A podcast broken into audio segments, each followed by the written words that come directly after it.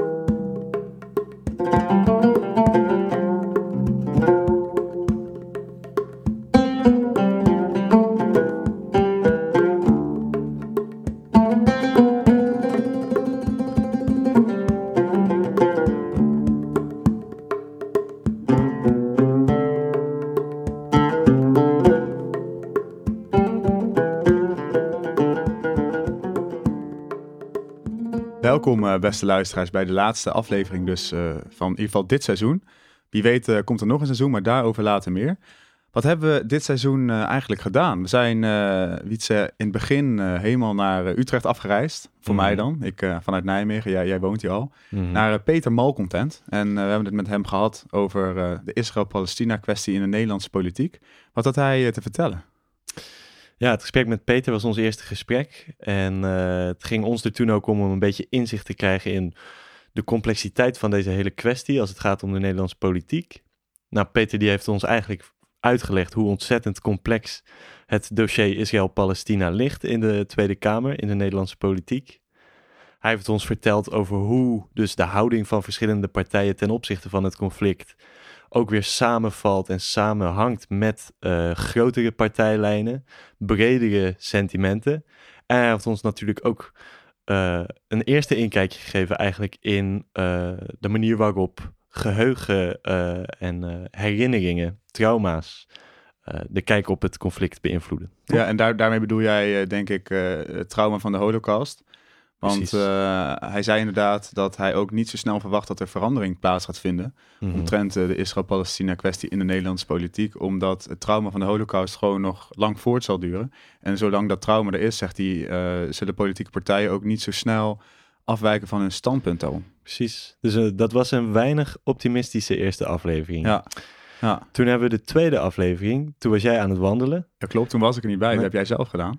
Hebben wij hier in Utrecht hebben Jaap Hamburger en Anja Meulenbelt ontvangen. Toen hebben we het gehad over antisemitisme definities. En in het specifiek hebben we het gehad over de IRA-definitie van antisemitisme.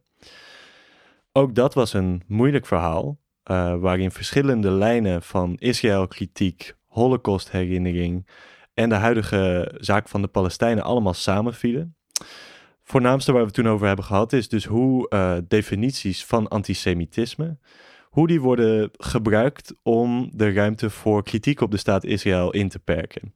En hoe dus vanuit die logica ehm, er een vereenzelviging wordt gemaakt tussen het Jodendom of het Joodse volk en de staat Israël. Terwijl dat juist hetgene is wat in die definities vaak wordt bekritiseerd. Ja, interessante materie.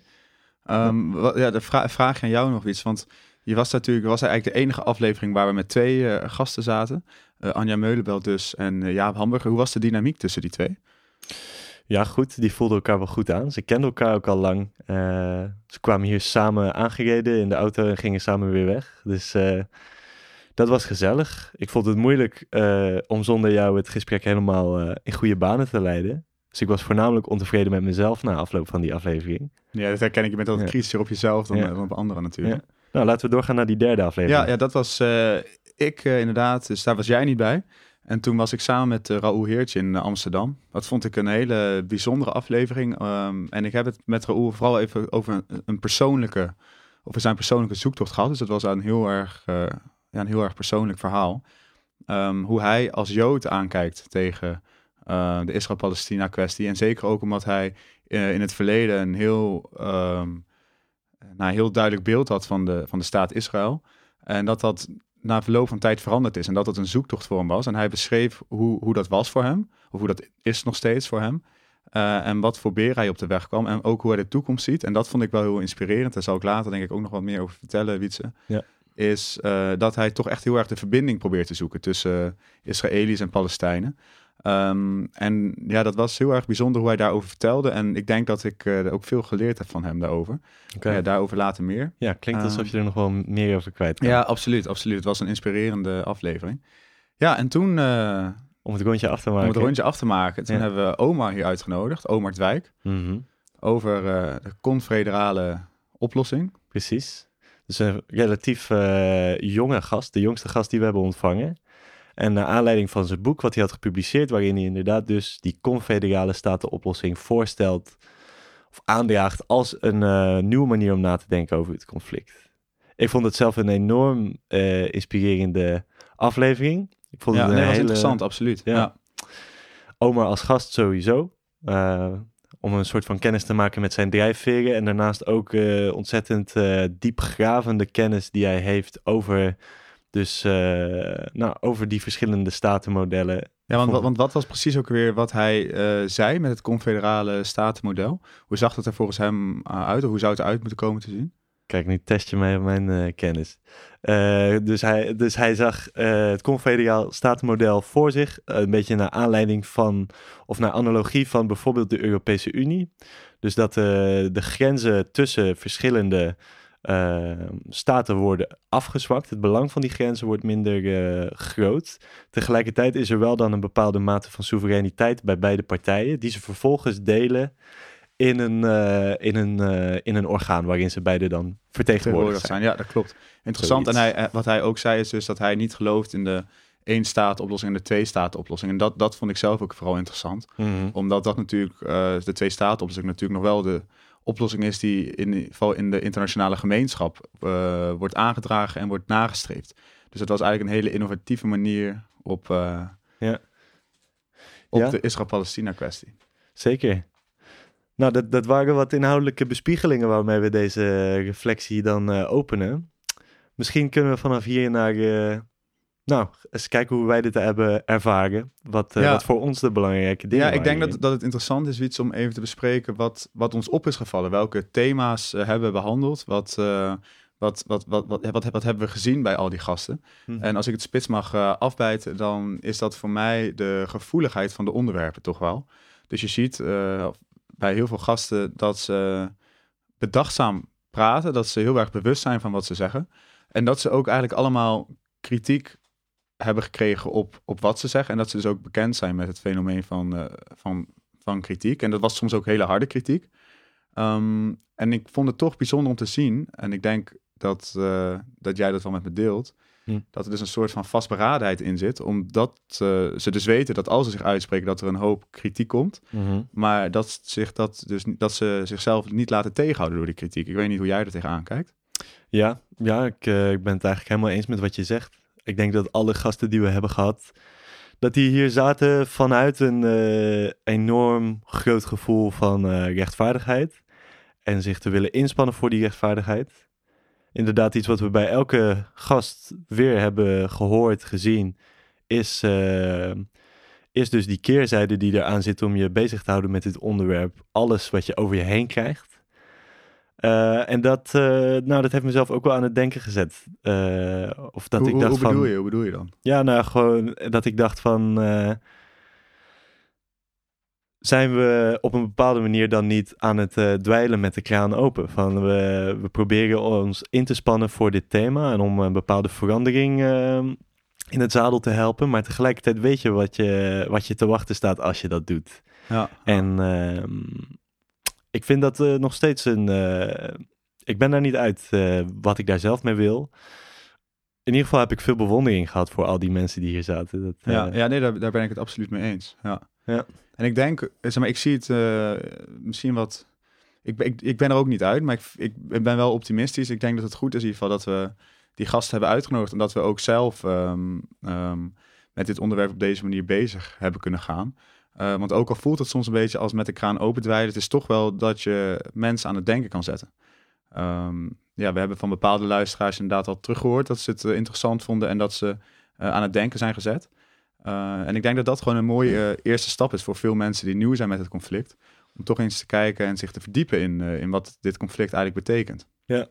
Hey, en als we het dan hebben over specifieke gesprekken, is er, is er eentje die jou in het geheugen gegrift staat? Eentje die, waar, waar je op terugkijkt en denkt, wauw. Ja, ja zeker. Ik, ik heb er een beetje, beetje al naar gerefereerd natuurlijk uh, aan het begin van, van deze aflevering. Maar ik vond de aflevering, het gesprek met uh, Raoul Heertje, heeft heel veel indruk op me gemaakt. En uh, ja, dat zat hem in een aantal dingen. Hij, ja, het gesprek was heel erg persoonlijk.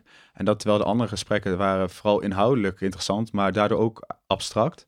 Maar dit was heel erg persoonlijk. En um, ja, Raoul Heertje stelde zich heel erg kwetsbaar op.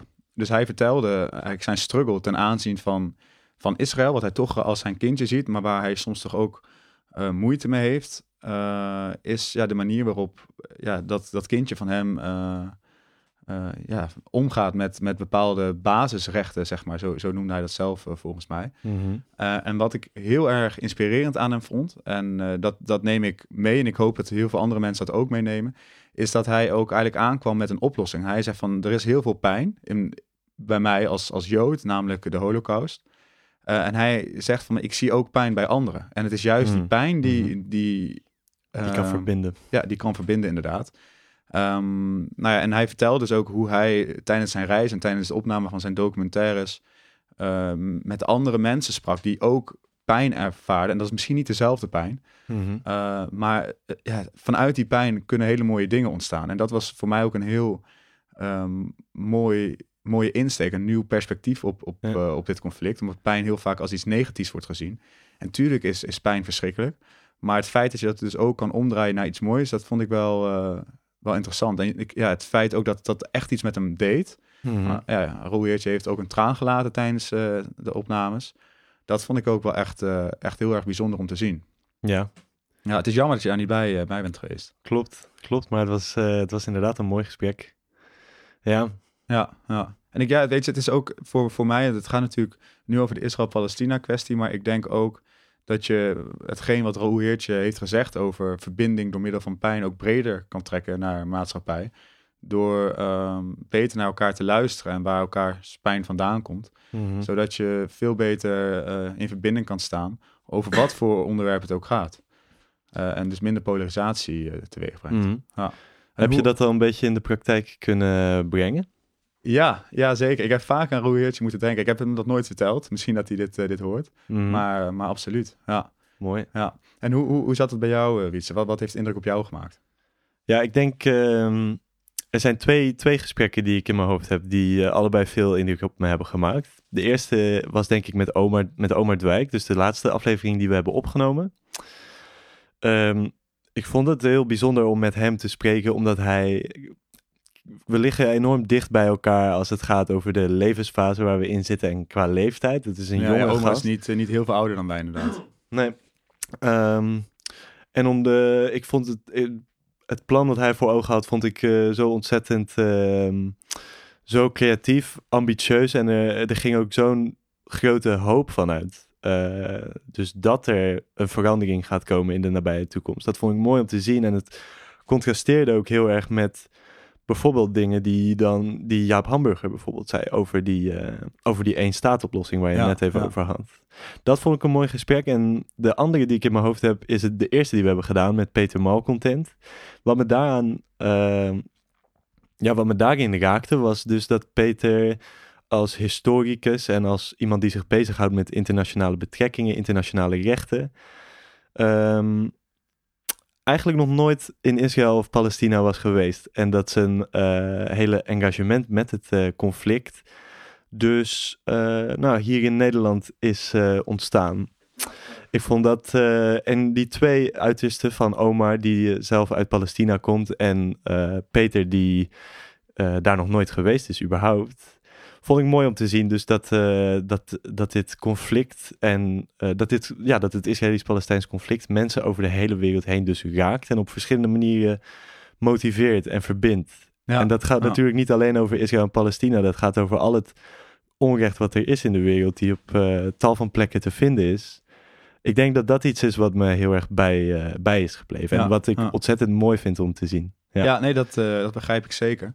Wat ik zelf eh, ook heel mooi vond aan de aflevering met eh, Omar over het confederale model, is dat hij, ehm, en ik denk ook dat dat de hoop is van ons, zeg maar, van, van de jonge generatie, Wietse, dat hij echt op nieuwe manieren naar dat conflict probeerde te kijken. Dus, ehm, eh, en hij zei ook van, ik denk dat, dat het conflict alleen opgelost kan worden als we buiten de gebaande paden durven te denken en de kaders die er nu zijn, dat we die proberen af te bouwen. En dat, dat deed Omar Dwijk eigenlijk best wel goed. En Mhm. hij had daar ook echt, ja, hij heeft daar natuurlijk onderzoek naar gedaan, maar hij kon het ook heel goed beargumenteren. Ja. Eh, en dat, dat viel mij ook op dat hij tot in de details eh, gewoon had uitgedacht hoe, hoe dat confederale model er dan eh, uit zou moeten komen te zien. Ja. Ja. Ja, dus inderdaad eh, over de grens heen denken, letterlijk en figuurlijk.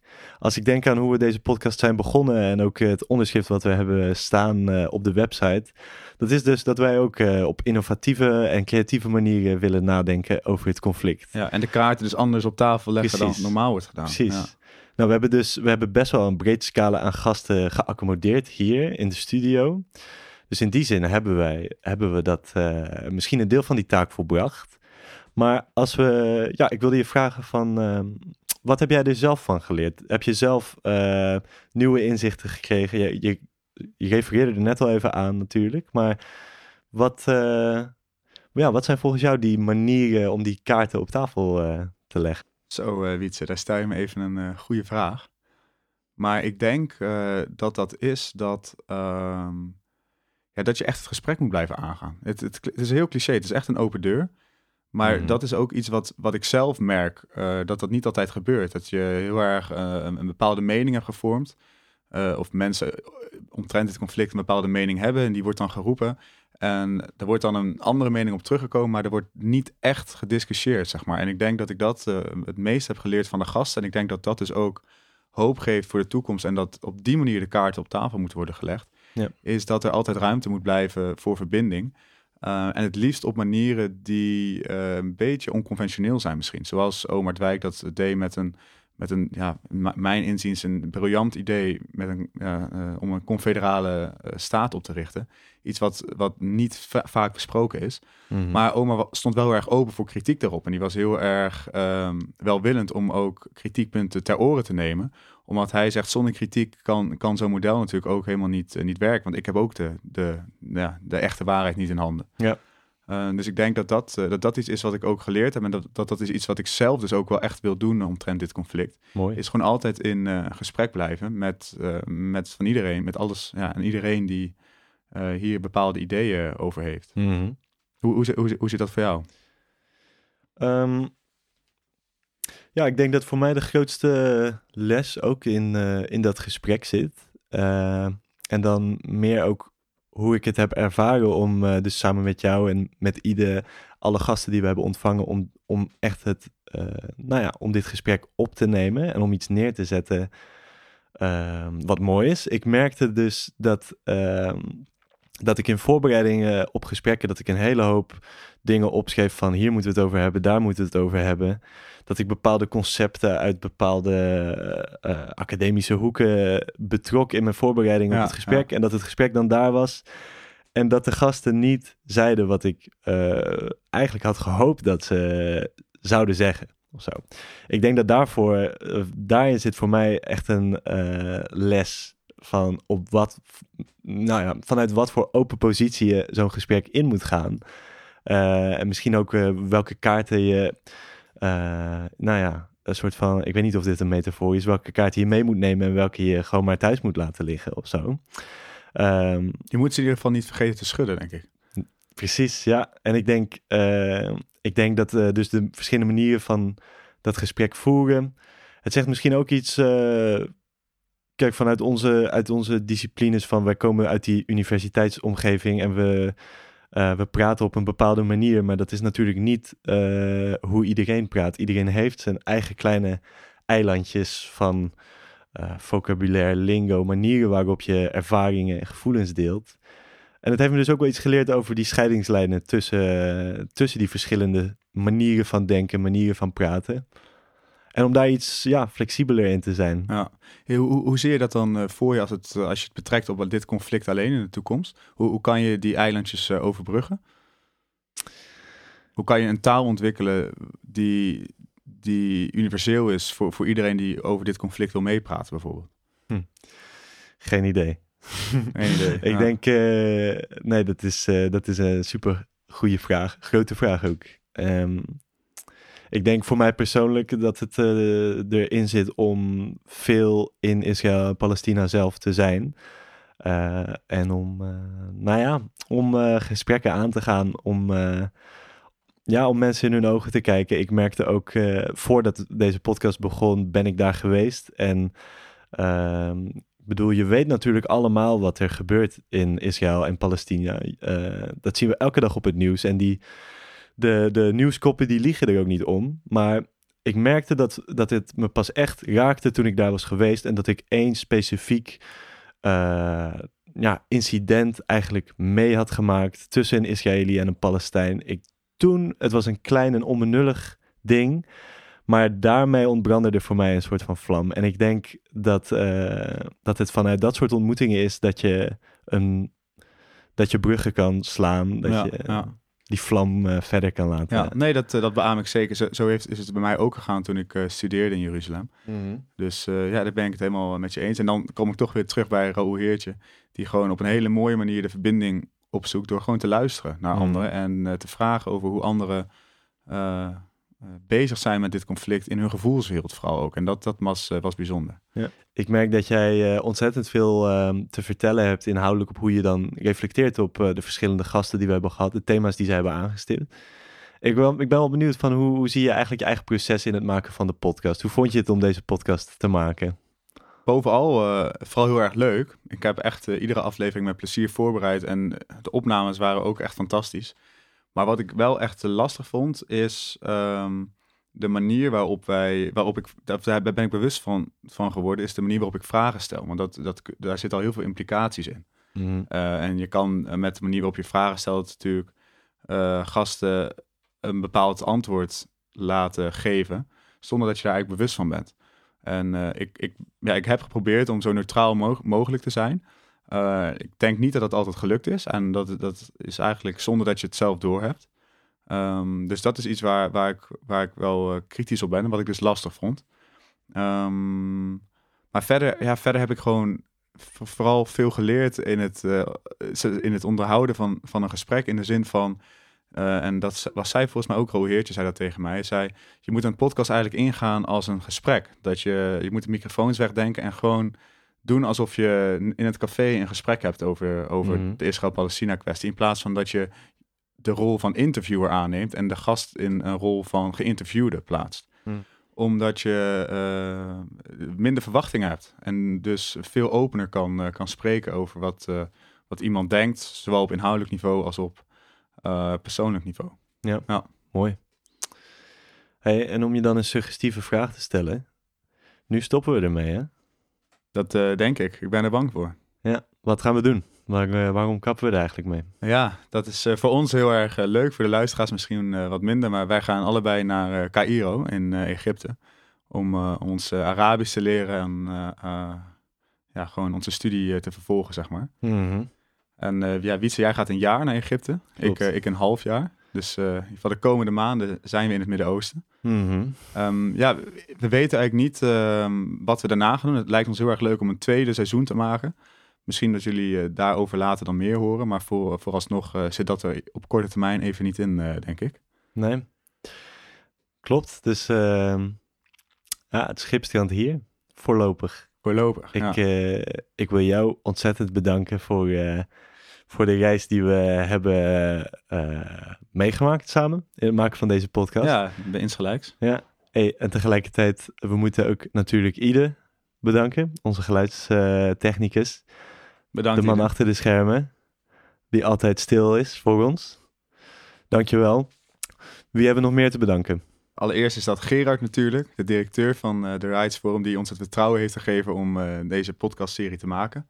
En natuurlijk onze directe collega's uh, Allard, Martijn, Michiel en Titus, die zich dagelijks inzetten voor een rechtvaardig Israël-Palestina-beleid. met alle kritiek die ze krijgen, vind ik dat bewonderenswaardig. Um, en ik denk dat dat het wel was. En de muzikant natuurlijk van, ja. van de intro-tune. Nodas Ataki, dankjewel. Ja. En tot slot, super belangrijk, namelijk een bedank aan de luisteraars. Omdat er zonder luisteraars ook geen podcast had kunnen zijn. Um, ik hoop dat jullie wat geleerd hebben, dat jullie uh, nieuwe ideeën hebben opgedaan. En als jullie nog vragen, feedback of andere opmerkingen hebben, dan kunnen jullie dat altijd laten weten aan ons. Bedankt. Dit was de laatste aflevering en hopelijk tot een volgend seizoen. يا هاجر بعد هجرك زايد شجل عود تحس الوتر يسأل عن أحوالك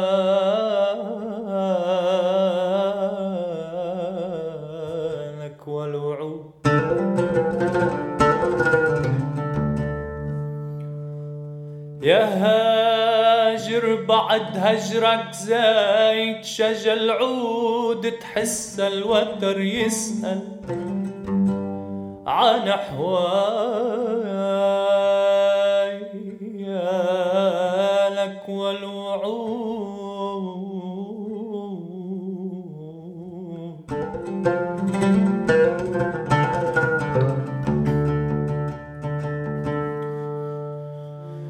كان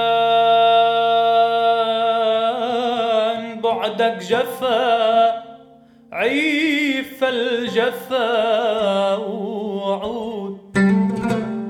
ترى وترى القلب تتلف على الغياب.